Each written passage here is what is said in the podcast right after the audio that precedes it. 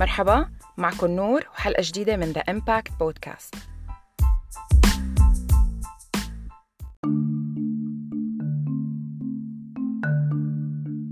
ب 23 آب من عام 1973 وتحديدا بالعاصمة السويدية ستوكهولم صارت واحدة من أشهر عمليات سطو على بنك بالعالم. فالشاب يون إريك أولسون قرر يسحب الرشاش يلي كان مخبيه تحت جاكيته ويفوت على واحد من أكثر البنوك صخب بالمنطقة. فات يون وأطلق كم رصاصة على السقف وقال جملته المشهورة وبلكنة أمريكية The party has just begun. وبالفعل يون كان بلش حفلته بجرح شرطي وأخذ أربعة من موظفي البنك رهائن.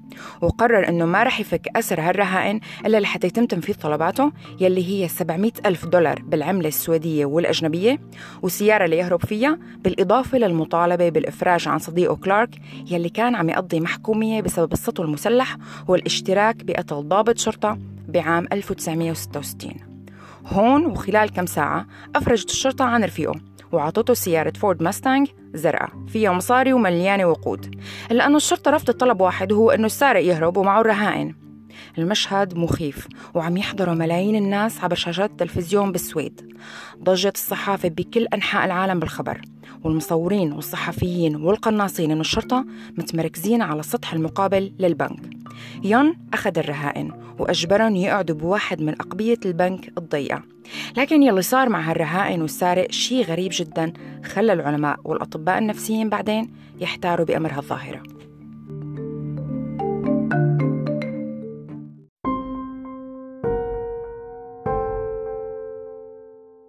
يلي صار هو إنه العلاقة بين المعتدي والرهائن تغيرت. فبدل ما يكونوا خايفين منه صاروا خايفين عليه. حتى إنه وحدة منهم طلبت من يون رصاصة من الرشاش تبعه كتذكار للحادثة. وفيما بعد قالت وحدة تانية من الرهائن إنه المعتدي كان كتير لطيف وعطاها جاكيته وقت بردت وتانية صرحت قالت إنه من كتر ما كان لطيف معها قرر يطلق النار على رجلها من دون ما يقتلها وهذا كان بنظر الرهينة من ألطف ما حصل معها بالتجربة. بعد أكثر من 130 ساعة وبليلة 28 آب قامت الشرطة بضخ الغاز المسيل للدموع وهون اضطر الجاني ورفيقه إنه يستسلموا. طلبت الشرطة من الرهائن أنه يطلعوا إلا أن المفارقة كانت هو رفض الرهائن الخروج قبل ما يتأكدوا أنه الخاطفين رح يتم تسليمهم بأمان للشرطة وبدون ما يتعرضوا للأذى. يلي بخليك تستغرب أكثر إنه من بعد ما تم سجن الخاطفين الرهائن الأربعة قاموا بعدة زيارات لهم السجن ليطمنوا عليهم. حتى أنه ساعدوهم بدفع أتعاب المحامين فيما بعد.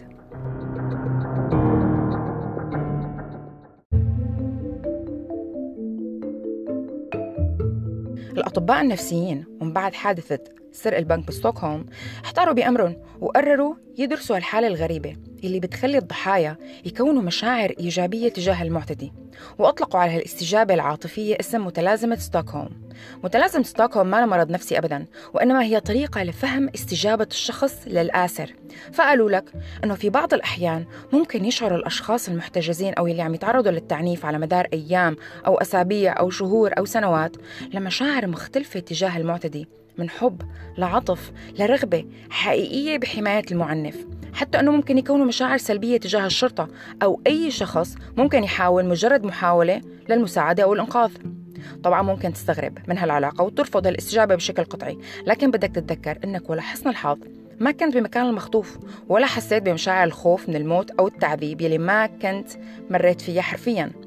فوجود الضحية بوضع مشحون عاطفيا ولفترة طويلة والتواجد بظروف سيئة من تعذيب لطعام سيء لمساحة غير مريحة جسديا بشكل دائم مع المعتدي. ممكن يخلق استجابات داخلية ممكن تبين غريبة لكنها بالحقيقة هي آلية نجاة كونها الجسم للتغلب على هالظرف الصعب.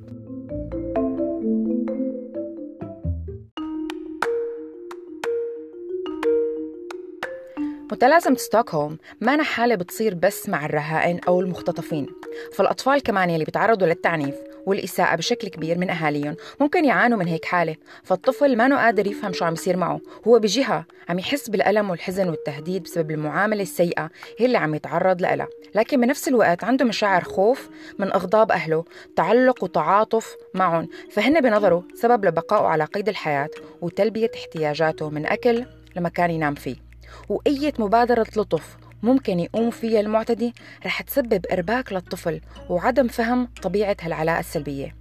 أضف إلى ذلك العلاقات المؤذية بين البشر فالأبحاث بينت أن الأفراد اللي بيتعرضوا لسوء المعاملة ممكن يطوروا ارتباطات عاطفية مع المعتدي. فمثلا بتلاقي شريحة كبيرة من النساء المعنفات من قبل الأزواج أو الأهالي بتعيش حالة مشابهة من التخبط والارتباط العاطفي مع المعتدي كاستراتيجية للبقاء على قيد الحياة مقابل الامتناع عن القيام بأي ردة فعل كالقتال أو الهروب. فالمرأة ممكن تعاني من الإرهاق، فقدان احترام الذات أو الثقة بالنفس، إضافة للاكتئاب اللي بتخليها تستمر بالعلاقة على الرغم من كل شيء. فالاستثمار العاطفي اللي صار مع الشريك بالإضافة لتجنب الإحراج الاجتماعي وبكثير من الأحيان وجود أطفال وهذا اللي بيخلق وضع مالي معقد بتدفع المرأة للاستمرار بالعلاقة خوفا من الفشل بتأمين متطلبات المعيشة.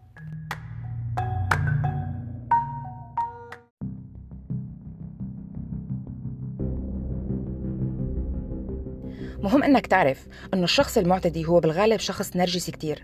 شخص بيستخدم التلاعب لتلبية حاجاته من السيطرة والتسلط على الآخرين وبيحاول يخلي الرهينة تحس بالتعاطف والحزن تجاهه. يعني بيقول قصص عن حياته الماضية التعيسة وقد إيه هو إنسان منيح لكن مزاجه السيء هو اللي عم يوقعه بكتير من المشاكل. وهون الضحية بتشوف أي فعل لطيف صغير من المعتدي شغلة كبيرة وسبب للتعاطف معه شو ما كان نوع الاعتداء هذا التعاطف ابدا مو مرض سلبي إنما هي استراتيجية تأقلم وتكيف بتطور الضحية للبقاء على قيد الحياة. تماما مثل ما صار مع ناتاشا كامبوس. ناتاشا كان عمرها حوالي العشر سنوات. لما تم اختطافها من قبل شخصين بحسب الشهود هي ورايحة على المدرسة بمدينة فيينا بالنمسا. الخاطف أخذها وحبسها بأبوه تحت بيته له فتحة معدنية مخباية ورا خزانة وبتفتح على الكراج. الأبو كان صغير ومساحته خمسة بخمسة متر بدون شبابيك وبجدران عازلة للصوت. 3096 يوم ونتاشا محبوسة بالأبو وممنوع تتواصل مع العالم الخارجي. أكثر شيء مسموح تساوي أنه تطلع تنظف البيت أو تطبخ للخاطف. وبدون أي إمكانية للهروب باعتبار التهديد بالسلاح والشبابيك والأبواب المقفولة بكل مكان. تعرضت نتاشا للضرب والتجويع والاغتصاب وحاولت على الأقل مرة أنها تنتحر. بعد 8 سنين إجت الفرصة السانحة للهروب. نتاشا كانت عم تكنس والباب مفتوح على الحديقة لما تليفون الخاطف برن. الخاطف بياخد التليفون ليرد فهي بهالأثناء تترك المكنسة شغالة وبتهرب حوالي 200 متر لتوصل لبيت زلمة اختيار بتطلب منه الاتصال بالشرطة. تم إنقاذ ناتاشا بعد 8 سنين اختطاف وفيما بعد لما تم سؤالها عن الخاطف كانت متعاطفة جدا معه. وحتى أنها بكت لما عرفت أنه مات.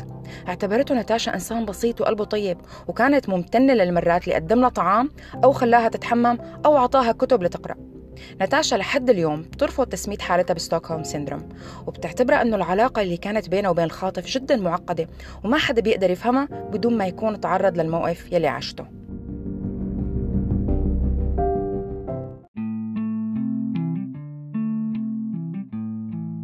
الإنسان هو أكثر المخلوقات تعقيدا على الأرض فهو بيتكيف وبيتواصل وبيتطور بآليات العلماء بحاجة لعقود من الزمن لفهم القليل منها مثل ما كل مرة بقول وبعيد طلب المساعدة أو الاستشارة شيء ضروري ومهم للتخفيف من المشاكل النفسية سواء لك أو لشخص بتعرفه. فعلماء النفس المعالجين قادرين تعليمك آليات صحية وأدوات استجابة صحيحة بحال وجود أي مشكلة نفسية كالاكتئاب أو القلق أو غيرها. أضف إلى ذلك أن إطلاق الأحكام أو التسميات المرضية بدون دراسة طبية أو علاج عند مختص هو أمر غير لائق القيام فيه أبدا مهما كانت الأعراض واضحة. على أمل أنه نعيش بعالم أكثر أمانا ورأفة بصحتنا الجسدية والنفسية خليكن على اطلاع دائم وبشوفكم بحلقة جديدة.